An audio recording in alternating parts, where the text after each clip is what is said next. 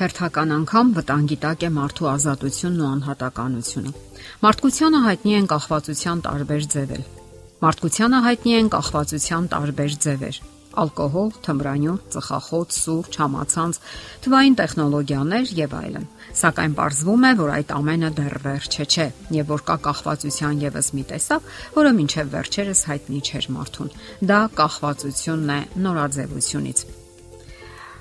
Հարցն այսպես է դրվում. ինչպես ապրել նորաձև, սակայն չդառնալ նորաձևության զոհը։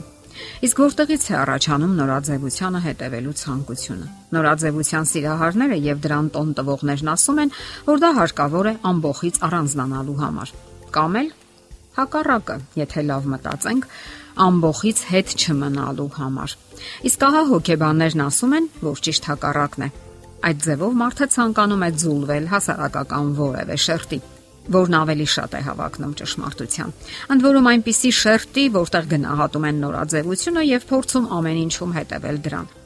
Եվ ենթադրվում է, որ նորաձևության գագաթնակետին գտնվում են ամենախիզախ, ամենաանկախ, ամենահարուստ մարդիկ։ Եվ ահա հասարակության այդ խավին պատկանելու ցանկությունը հաճախ վերածվում է լուրջ կախվածության։ Նորաձևության ժամանակակից զոհերի համար արդեն գործածության մեջ է համապատասխան եզրույթը՝ լեյբլոմանիա Այս մարդիկ զոհաբերում են ամեն ինչ՝ առողջություն, դրամներ, սեր, հանուն, կենսական գլխավոր արժեքի, նորաձևության։ Սակայն հանուն ճշմարտության պետք է ասել, որ սրանք այնքան էլ աչքի չեն ընկնում ճաշակով եւ ունեն բավականին վուլգար տեսք եւ միևնույն ժամանակ անճաշակ են։ Նրանց համար կարևորը ժամանակակից դրսևորումներն են եւ հեղինակությունը։ Իսկ ահա հոգեբանները միանշանակ ասում են, որ բացառապես արտաքին նշանների վրա ինքնահաստատվելը բոլորովին էլ լավագույն եղանակը չէ Չէ որ նորաձևության զոհերը փորձում են համոզել շրջապատին իրենց հաջողակ լինելու մեջ միայն արտաքինի հաշվին։ Սակայն շեշտադրենք, որ նորաձևության այդ մրցավազքը լրացուցիչ ջանքեր է պահանջում թե ֆինանսական, թե հոգեբանական առումով, դառնալով նույնիսկ սթրեսի աղբյուր։ Ահա թե ինչու նախքան այս կամ այն նորաձև իրը գնելը, լավ մտածեք, թե որքանով է այն անհրաժեշտ ձեզ եւ արդյոք դա ինչ որ մեկի կմահաճության արդյունքում չէ հայտնվել շուկայում եւ կամ օգտակար է այն ձեզ։ Իսկ ընդհանուր առմամբ հիշեք, նորաձևության միտումները ոչ թե առաջընթացն է կամ հիանալի ու վեհ նպատակները, այլ ընդհանրապես մի པարզ ցանկություն՝ տիրանալ ձեր դրամներին։ Սա բոլոր արտադրողների վերջնական խնդիրն է՝ համոզել ձեզ, որ բացեք ձեր դրամապանակը, եւ դա նրանք անում են հոգեբանորեն հիանալի մշակված մեթոդներով եւ ձևերով։ Մինչ դուք անկախություն, հեղինակություն եւ ժամանակակից լինելու խաղեր եք խաղում, նրանք վատնում են ձեր դրամներն ու ժամանակը։ Կյանքն անդադար շեղում է մեր ուշադրությունը եւ մենք անգամ չենք էլ հասցնում նկատել կոնկրետ ինչից նկատել է Ֆրանց Կաֆկան։ Ասենք դուք գնում եք կոշիկ, որը կարելի է հագնել 3 սեզոն։ Հաջորդ տարի արտադրողները փոխում են որոշ արտաքին նշաններ, ճարմանդները եւ դնում են վաճառքի։ Դուք գրավում եք ընդհանրը տեսքով, իսկ իրականում դա նույն կոշիկն է։ Հետո ձեզ համոզում են, որ նախքին կոշիկով դուք գավառական աղջկա տեսք ունեք, իսկ ահա այս նորով շատ ժամանակակից եք եւ որքան է սազում ձեզ եւ դուք ավելի եք գեղեցկանում դրանով, իսկ տղաները շլացած ձեր քայլերին պետք է հետևեն են։ Այդքանը բավական է, որ այն գնելը դառնա ձեր երազանքների առարկան։ Իսկ եթե այն շատ թանկ է եւ դուք չեք կարողանում գնել այդ իրը, այդ դեպքում ինչ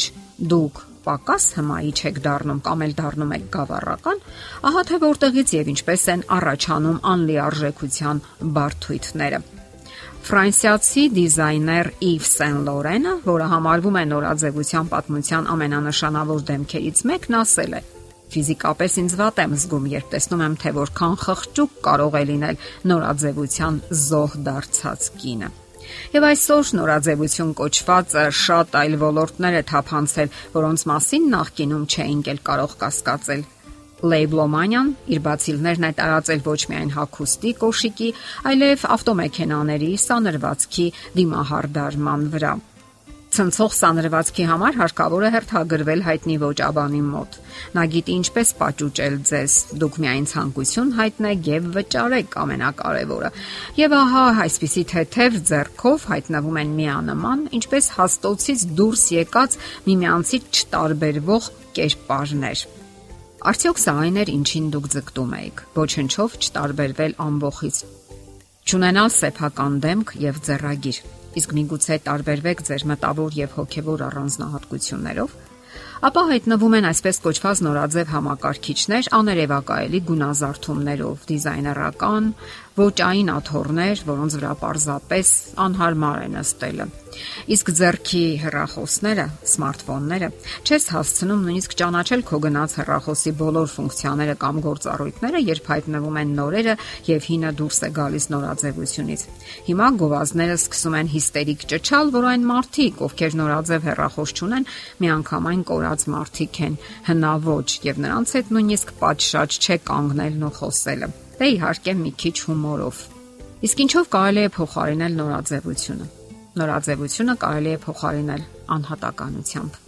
Սա այն է, ինչից ցանկանում են ձեզ զրկել։ Մեր աշխարհն այսօր զուրկ է անհատականությունից։ Մեր աշխարհն այսօր լի է դիմազուրկ եւ գորշ, ոչնչով աչքի չընկնող եւ ամեն ինչում միմյանց պատ ճենող մարդկանցով։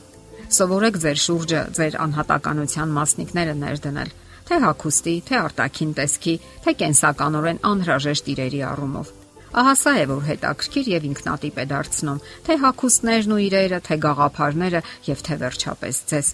Այնպես արեք, որ ոչ թե իրերն իշխեն ձեզ վրա, այլ դուք լինեք դրության տերը։ Ունեցեք ձեր սեփականը, ձեր անհատական ոճը, եթե չունեք, մշակեք այն։ Դա թույլ կտա ձեզ դիմադրելու այն ամենին, ինչը համարյա թե պարտադրում են ձեզ։ Ունեցեք ձեր աշխարհը։